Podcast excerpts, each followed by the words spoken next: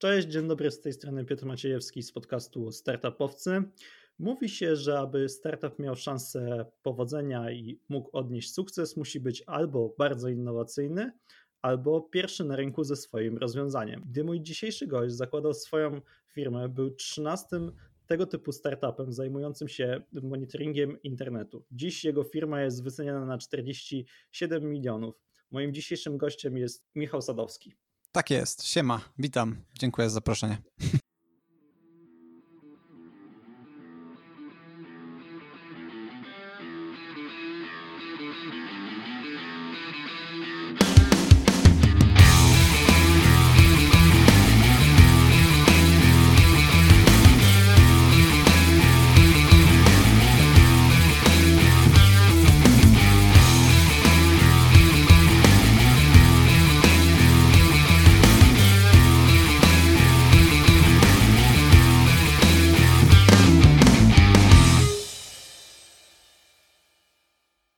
Dziękuję Michał, że, że, że zgodziłeś się przyjąć e, zaproszenie mimo tam wielu swoich różnych e, obowiązków. Zawsze do usług. I, i napiętego, napiętego czasu. Pierwsze pytanie, jakie mi się nasuwa, to powiedz, jak to w ogóle się wszystko zaczęło, że wszedłeś tak naprawdę w monitoring internetu, w branżę, której już było 12, 12 firm i na pewno nie, nie było to łatwe. A druga rzecz, jaka mi przychodzi do głowy, E, to czy te firmy, z którymi zacząłeś konkurować, to były już to były też startupy, czy to już były takie rozwinięte w miarę biznesy, które już miały gotowy swój produkt? Niektóre z nich to były startupy, niektóre miały już e, istniejący produkt, niektóre miały już nawet e, wielomilionowe roczne wpływy. I z mojej perspektywy to łatwiej jest zbudować usługę numer 13 niż usługę numer 1.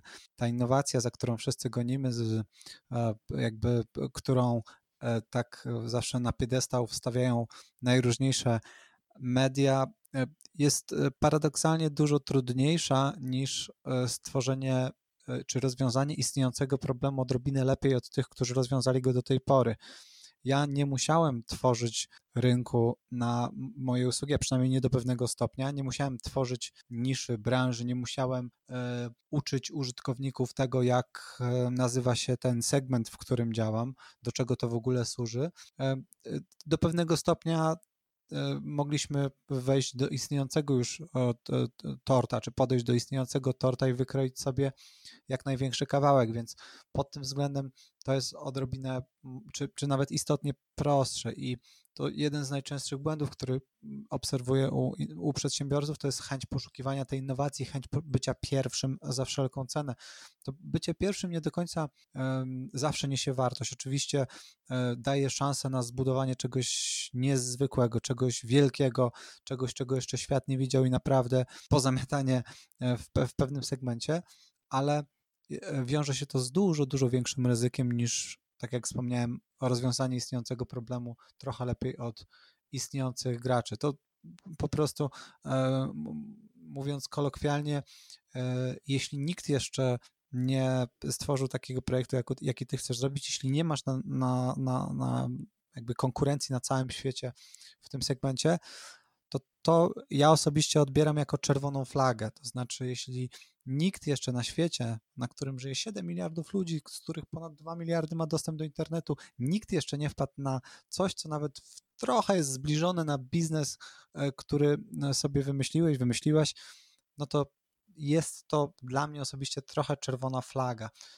Wydaje mi się, że większa szansa jest, że albo te biznesy istnieją i po prostu do nich nie dotarłeś, czy nie dotarłaś, natomiast jest też bardzo prawdopodobny drugi scenariusz, a mianowicie taki, że te takie pomysły pojawiały się i znikały, bo po prostu nikt nie chciał za to płacić i to jest dużo większy problem w przypadku tych innowacyjnych projektów, które często są technologicznie naprawdę na wysokim poziomie, ale jakby e, nie rozwiązują, albo problem, który rozwiązują, nie jest na tyle istotny, żeby klienci byli skłonni za to płacić. Okej, okay, to jest faktycznie rzeczywiście, rzeczywiście nie tylko ty tak mówisz, bo Paweł Sieczkiewicz, który też już u mnie był w podcaście, też podał taki przykład, dlaczego e, startupy upadają, albo dlaczego w ogóle założyciele już na samym wejściu prowadzenia startupu mają taki upadek.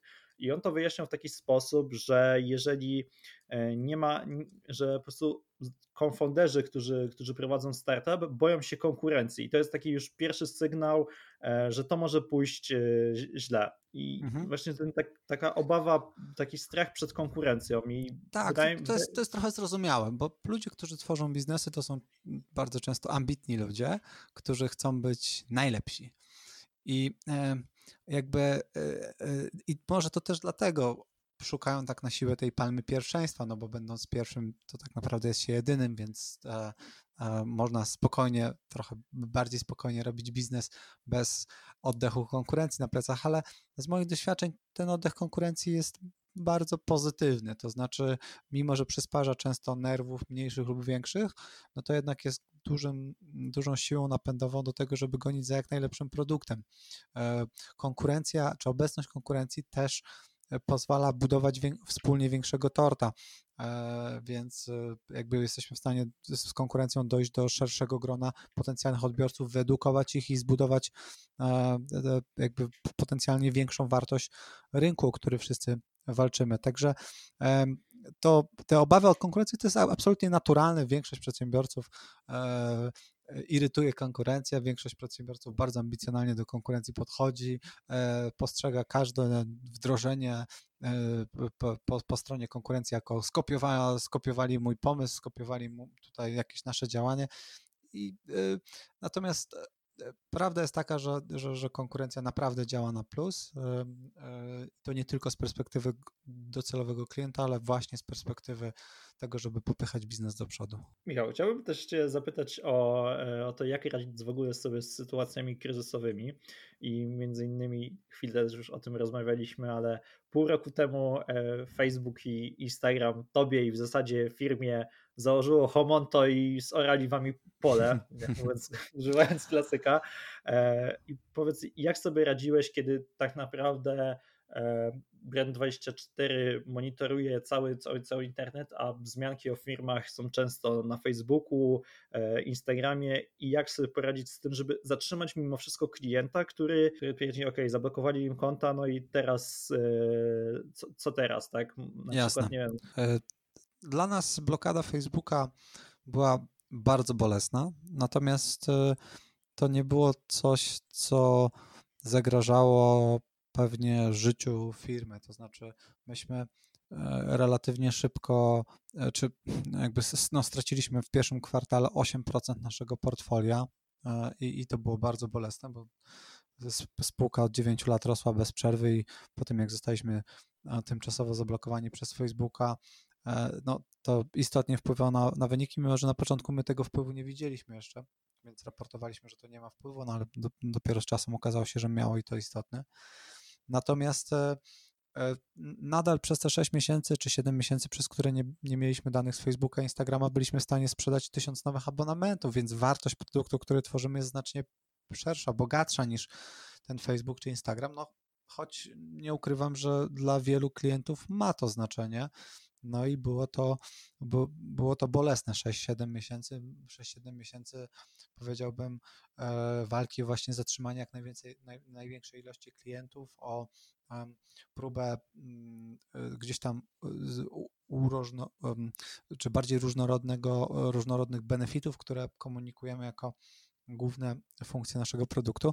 Także e, no, było to dużo wyzwań, było też dużo wyzwań takich, e, czy przede wszystkim były wyzwania związane z cashflow firmy, bo to się pojawiło, ta blokada pojawiła się chwilę po naszym break-even, e, kiedy wyszliśmy na tak naprawdę na zero i kiedy dwa i pół roku temu, czy prawie trzy lata temu podnosiliśmy z giełdy 3,5 miliona złotych finansowania zewnętrznego, to była największa runda, jaką kiedykolwiek podnieśliśmy. Zazwyczaj się finansowaliśmy samodzielnie.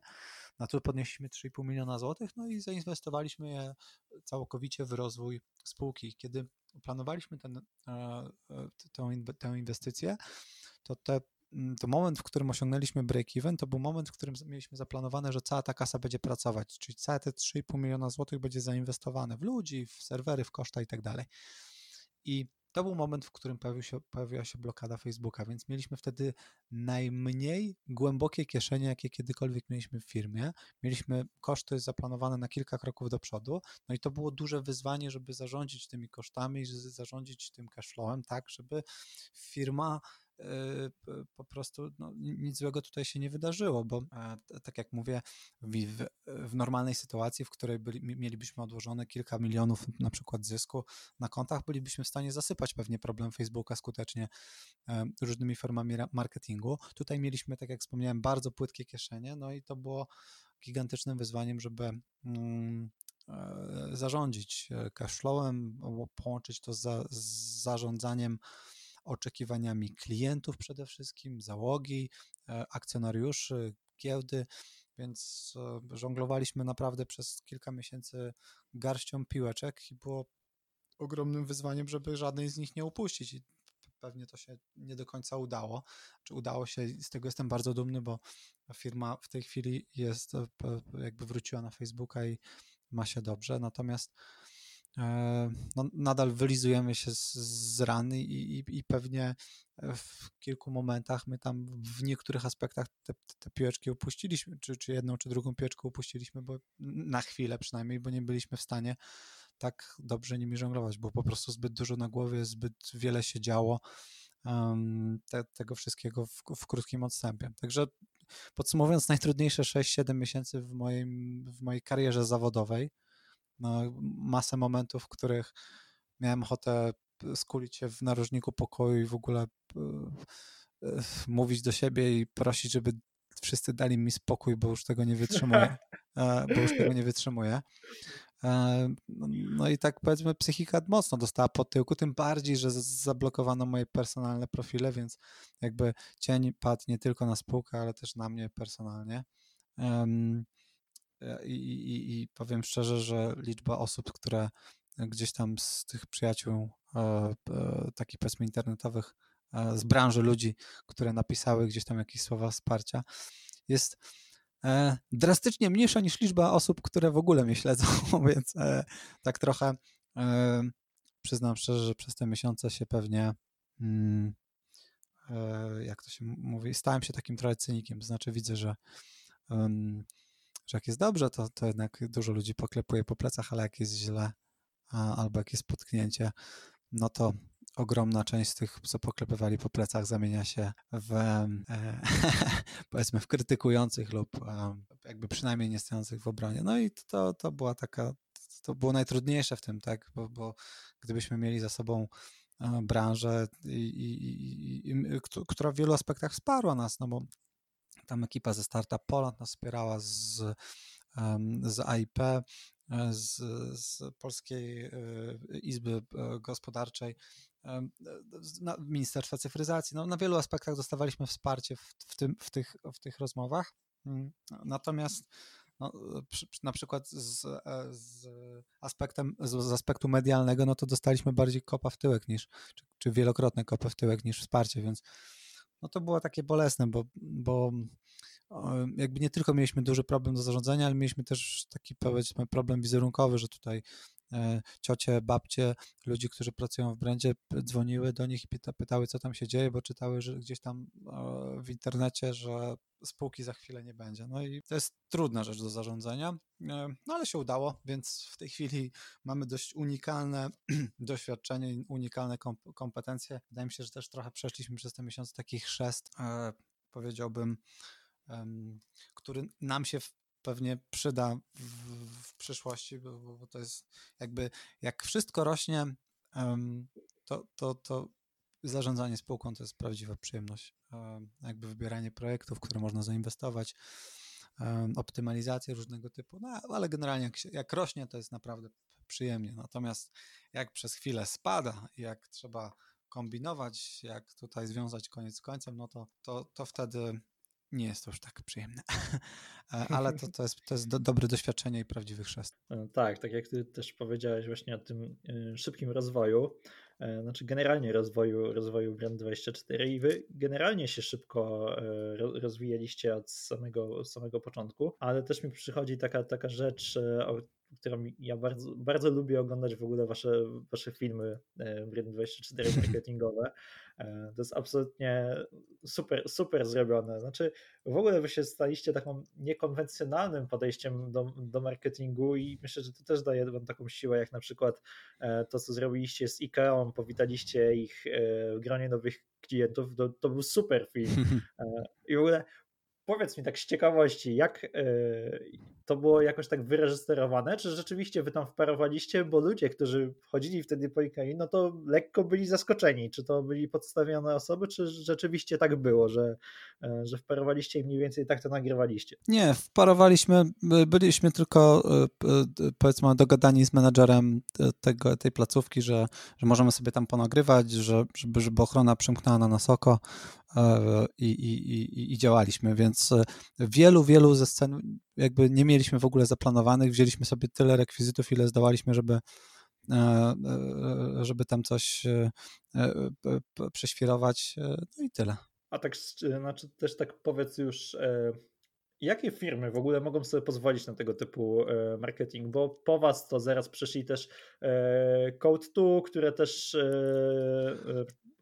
też zaczęło robić mhm. mniej więcej to samo cykl curatorów e, i, i to też wygląda e, bardzo podobnie do waszych, do waszych filmów. Znaczy, może nie są to aż tak hardkorowe akcje, ale też jest rzeczywiście śmiesznie i zastanawiam się, kto może w ogóle robić taki marketing. Wiesz co, wydaje mi się, że każda firma może to, to coś takiego robić. To jest kwestia, um, bym powiedział, um, no, my jesteśmy jednak nudnym narzędziem analitycznym, którym ważna jest rzetelność danych, kompletność danych, zaufanie do tych danych, e, zaufanie do nas jako organizacja. Mimo to, no jak sam zauważyłeś, robimy marketing, który jest bardzo, powiedziałbym, taki nieformalny, e, często z humorem, e, często z dystansem do siebie.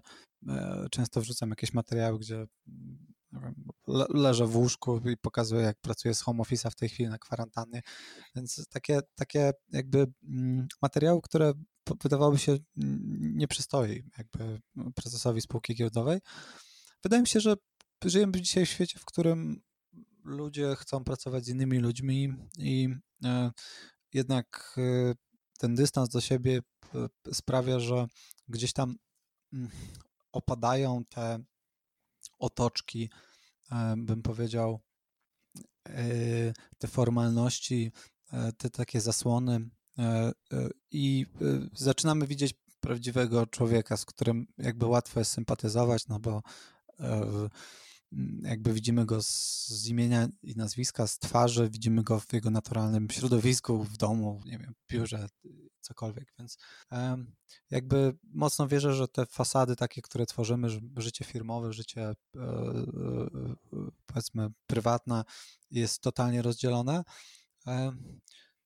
Niekoniecznie muszą być jedyną ścieżką, jakby bardzo szanuję ludzi, którzy mają to rozdzielone, szczególnie w, po ostatnich 6-7 miesiącach jakby było wiele momentów, w którym chciałbym mieć to bardziej rozdzielone.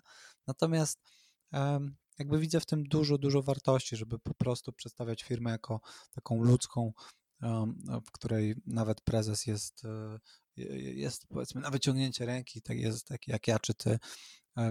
I myślę, że coraz więcej firm w ten sposób się komunikuje, coraz łatwiej znajdować firmy nie tylko z takich powiedzmy branż, w których tego typu rzeczy wypada robić, typu na przykład Dollar Shave Club, który wypłynął na świetnym filmiku z prezesem, ale też no, linie lotnicze e, Virgin, gdzie e, e, Richard Branson przebrany za stewardessę tam służył ludziom lecącym za pośrednictwem jego linii lotniczych, więc no i też wydawałoby się, że mm, prezes, założyciel wielkich linii lotniczych i wielu innych przedsiębiorstw przebrany za i umalowany na stewardessę, to, to, to, to jakoś nie do końca przystoi czy coś takiego, a tu się okazało, że był to naprawdę genialny ruch, który nie tylko linii, ale też samemu prezesowi przysporzył sporo fanów, sporo darmowej reklamy, ambasadorów marki, przybliżył w ogóle tą, tę markę e, masie ludzi, więc jakby wierzę mocno, że, że, że jest to dobra forma komunikacji, choć nie jedyna, jak podkreślam, rozumiem ludzi, którzy nie są fanami tego typu. Okej. Okay. E, powiedzieliśmy już o tym też, jak Brand24 się fajnie rozwija cały czas i wy od samego mhm. początku byliście dosyć firmą szybko się rozwijającą, bo powstaliście w 2011 roku, e, a już, e, już rok potem dostaliście pierwsze nagrody, między innymi e, za najlepszy debiut. To w tej kategorii dostaliście, dostaliście nagrodę i dwa lata temu i, i rok później następną, czyli w ciągu dwóch, dwóch lat zebraliście naprawdę fajne, fajne nagrody, a statystyki startupów mhm. są w Polsce miażdżące, bo 9 na 10 upada. Zatem powiedz mi, co jest takiego najważniejszego przy budowaniu e, startupu? Na co się powinno zwrócić e, uwagę, żeby mieć w ogóle jakiekolwiek szanse e, przede wszystkim przetrwać ten pierwszy początkowy okres, kiedy, kiedy się nie zarabia i tak dalej. Wiesz co, y, ja myślę, że jak najszybciej trzeba dojść do tego zarabiania i jakby kluczem jest właśnie, mm, no bo jakby często rekomendowane jest podniesienie finansowania ze strony inwestora, dzięki któremu będzie, będzie w stanie przeżyć taki startup przez pierwsze miesiące czy nawet lata. E, ja osobiście nie jestem fanem tego rozwiązania. Wydaje mi się, że dużo lepszym, przynajmniej z mojej perspektywy skromnej, rozwiązaniem jest e, znaleźć wspólników, którzy mają kompetencje potrzebne do tego, żeby stworzyć dany projekt czyli jeśli sam jestem sprzedawcą, ale potrzebuję jeszcze grafika, bazodonowca i programisty frontendowego, no to znajdę takich ludzi, rozdam im udziały, nie boję się tych udziałów rozdawać. To też jest jeden z błędów popełnianych przez młodych przedsiębiorców. Znaczy, strasznie się boją tych udziałów rozdawać jakby zakładają, że już tak jakby to, to 100% tej firmy były warte grube miliona. Prawda jest taka, że lepiej mieć 1% w Coca-Coli niż 100% w Hopcoli, więc lepiej jest się dzielić tymi udziałami e, i, e, e, i zwiększać szanse na to, że, że będziecie w stanie coś wspólnie stworzyć. Taki model ma jakby tę główną przewagę nad modelem z inwestorem, że jest bardzo zwinny, to znaczy jakby taka, taki zespół generuje dużo niższe koszta, jeszcze nie przepala gotówki, no bo nie ma tej gotówki, nie ma skąd jej pobrać, więc często praca jest realizowana trochę po godzinach. W modelu niskokosztowym to jest model, który jest też często płynny, to znaczy można pracować nad swoim startupem pracując jednocześnie na etacie, możesz pracować e, nie wiem, na weekend i wieczorami, co daje naprawdę gigantyczną ilość czasu w skali tygodnia nawet, e, w trakcie której możesz tworzyć coś swojego i możesz to robić w sposób płynny i taki powiedzmy bezpieczny dla Twojego domowego budżetu. Nie trzeba zrzucać wszystkiego na jedną kartę, po, pobierać milionów od inwestora i, i, i, i mieć deadline na to, żeby w ciągu roku coś postawić bo inaczej skończy się kasa. Ja bym wolał, żeby jakby pracować w modelu gonitwy za mm, jakby za kasą od klientów, a nie za spełnieniem oczekiwań e, e, inwestorów. Uważam, że Inwestorzy są mega ważni, mega potrzebni, ale trochę na innym etapie, na etapie, w którym już wiesz, co sprzedajesz, wiesz, e, jak to sprzedawać, masz już pierwszych klientów i chcesz ich mieć nie pięciu czy pięćdziesięciu, tylko chcesz mieć pięciuset czy pięciu tysięcy. Więc na tym etapie inwestorzy e, są jak najbardziej dobrym pomysłem. Na tym wcześniejszym no to ja osobiście mm, odradzam. E, e, raczej starałbym się jak najdłużej, e, jak to się mówi, bootstrapować, czyli rozwijać projekt, projekt w oparciu o finansowanie własne, dojść do momentu tej sprzedaży, dojść do jak najszybciej zderzyć produkt z oczekiwaniami faktycznego klienta. Często jest tak, że nasze wyobrażenie tego, co klient potrzebuje, a to, co, czego on faktycznie potrzebuje, jest zupełnie inne albo trochę inne e, i wtedy jak najszybciej trzeba zderzyć te dwa światy, zebrać feedback, poprawić produkt e, i wtedy przejść do sprzedaży i, i wygenerować pewien przychód i jak on się pojawi, ten przychód, jak już będziemy wiedzieć, co sprzedajemy, w jaki sposób go najlepiej sprzedawać, wtedy jesteśmy otwarci do tego, żeby wziąć finansowanie od inwestora i skalować to po prostu. Okej. Okay. Też chciałbym się Ciebie, Michał, zapytać, e, jak w ogóle w tej chwili, znaczy obecna sytuacja ma wpływ praktycznie na wszystkie, wszystkie biznesy, a jak to jest u Ciebie w tej chwili? Znaczy, u ciebie to wydaje mi się, że, że odkąd, że przede wszystkim dzisiaj widziałem na LinkedInie, że, że macie nowych klientów, więc wydaje mi się, że chyba, chyba, chyba biznes internetowy jest w tej chwili taki najbardziej stabilny, nie? E, tak, tak. No, my na razie nie widzimy jakichś e, fest negatywnych mm, czynników związanych z koronawirusem. Jest to na pewno trudna sytuacja dla wszystkich i logistycznie, i e, biznesowo.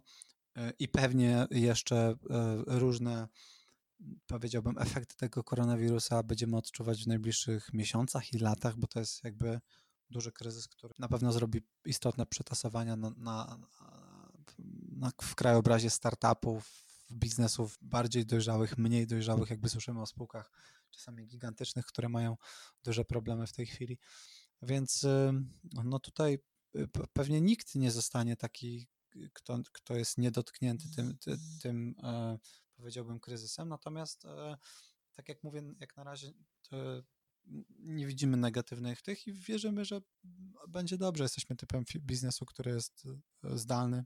E, ogromną większość naszych klientów to, to, są klienci, z którymi nigdy nie rozmawialiśmy, albo a przynajmniej nie, nie spotkaliśmy się, więc możemy pracować w 100% zdalnie. My jako firma jesteśmy przyzwyczajeni do modelu pracy zdalnej pojawiają się kolejni klienci. Oczywiście no, nie mogę mówić, na ile ta liczba klientów, którą pozyskujemy w tej chwili jest, e, jak wygląda na tle ostatnich miesięcy i tak dalej, no bo tutaj mamy pewne obowiązki informacyjne e, związane z byciem spółką giełdową, ale no tak jak mówię, gdyby, gdyby było jakieś mocne tąpnięcie na sprzedaży, jakiś negatywny sygnał i tak dalej, to musielibyśmy to raportować raportami bieżącymi giełdowymi. Na razie takich sygnałów nie mamy i więc, więc i raportować nie musimy. Także obserwujemy sytuację. Na pewno e, jakby będzie to miało jakiś wpływ na nasz biznes. Trudno jeszcze powiedzieć, czy pozytywny, czy negatywny, czy bardziej będzie ambiwalentny, ale e, jakby jesteśmy dobrej myśli na razie wygląda to, to, to, to, to, to nie najgorzej, bym powiedział. W ostatnim wywiadzie też powiedziałeś w jednym z wywiadów, znaczy świeżo po Twoim powrocie na Instagramie i na Facebooka, to od razu się z tą, tą media zainteresowały i powiedziałeś mhm. między innymi e, o kreatywności, że co sugeruje w zasadzie z Twojej wypowiedzi, że w zasadzie to e, największe szanse na przetrwanie obecnej sytuacji mają e, ci przedsiębiorcy, którzy są bardzo, bardzo kreatywni.